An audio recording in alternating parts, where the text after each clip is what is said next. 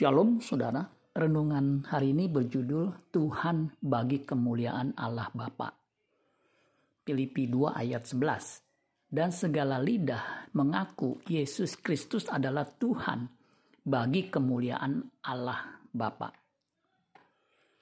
Yesus itu adalah Yesus itu Tuhan adalah fakta yang diungkapkan oleh Alkitab Hal ini dijelaskan dalam Daniel pasal 7 ayat 13 sampai 14. Aku terus melihat dalam penglihatan malam itu tampak datang se datang dengan awan-awan dari langit seorang seperti anak manusia.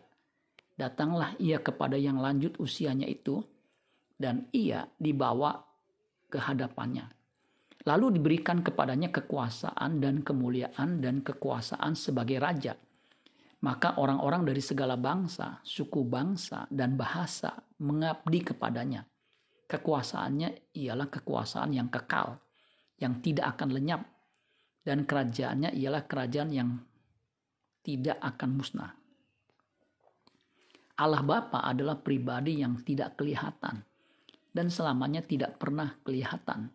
Yesuslah yang mewakili kehadiran Bapa Itulah sebabnya Yesus berkata, siapa melihatnya, melihat dirinya, berarti melihat Bapa. Yohanes 14 ayat 9 sampai 10. Karena Yesus adalah gambar Allah yang tidak kelihatan. Kolose 1 ayat 15. Jadi, jika Yesus berkata bahwa segala kuasa ada di dalam tangannya, baik di bumi maupun di sorga, karena memang dia adalah Tuhan.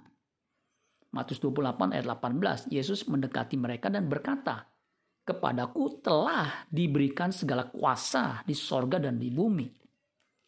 Yesus adalah Tuhan yang tampil mewakili Allah Bapa sampai selama-lamanya. Itulah sebabnya ke, pada hari Pentakosta Petrus dengan penuh yang penuh Roh Kudus berkata kepada berkata bahwa Yesus itu Tuhan dan Kristus. Di kisah para rasul 2 ayat 36. Jadi seluruh kaum Israel harus tahu dengan pasti bahwa Allah telah membuat Yesus yang kamu salibkan itu menjadi Tuhan dan Kristus. Kita bersyukur bisa percaya dan mengaku Yesus sebagai Tuhan dan Juru Selamat. Karena itulah dasar dan inti kekristenan.